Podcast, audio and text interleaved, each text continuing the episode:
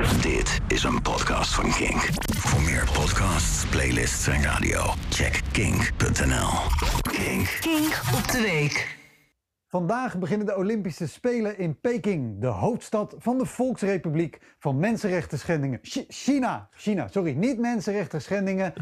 Die twee haal ik altijd door elkaar. Tenminste, vandaag beginnen de Spelen officieel, maar er waren afgelopen week al wedstrijden curling. Het ijsjeu de boel voor mensen met smetvrees. En alleen door een week voor de start te beginnen konden ze de uitzinnige publieksgekte een beetje spreiden.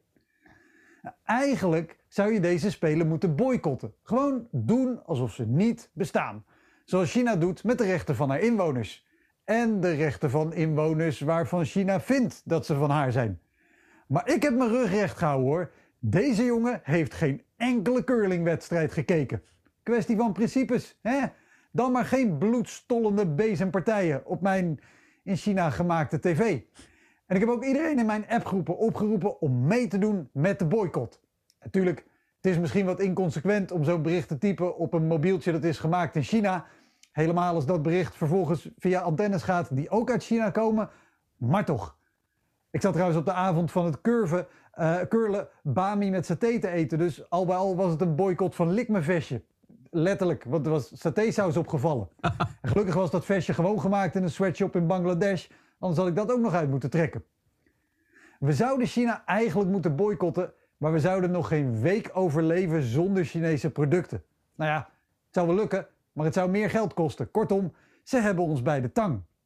Maak straks zelf even een grapje over de hilarische overeenkomst tussen het Nederlandse begrip tang en de Chinese naam tang. Dat moet je echt even zelf doen, want zo'n slechte grap is het mij niet waard om over gecanceld te worden. En daarbij zat mijn stamkroeg in Utrecht naast Cafetaria Tang, dus dan komt het opeens wel heel dichtbij. Maar je weet wat ze zeggen? If you can't beat them, join them. Dus laten we de Chinese aanpak juist omarmen. Te beginnen bij de afvallige provincie Groningen. Groningers weigeren immers hun deel bij te dragen aan het succes en de glorie van Nederland, omdat ze zo nodig willen wonen in veilige huizen. Nou, om ze vaderlandsliefde bij te brengen, sturen we ze geheel vrijwillig naar grootschalige heropvoedingskampen. Daar leren we ze standaard Nederlands te spreken, de taal van de nobele en hardwerkende burger. En om ze te begeleiden bij hun transitie tot modelburgers van de staat, plaatsen we op elke straathoek camera's met gezichtsherkenning, zodat we exact zien wie er eierballen eet. En die ondermijner van het Nederlands gezag kunnen we dan corrigeren en voor de zekerheid zijn familie ook.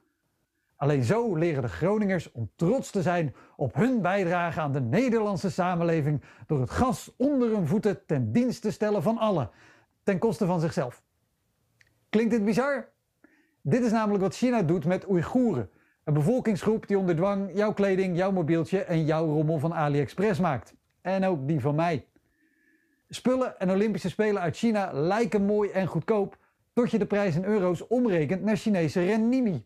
Mensenrechten schendingen. Sorry, die twee haal ik altijd door elkaar.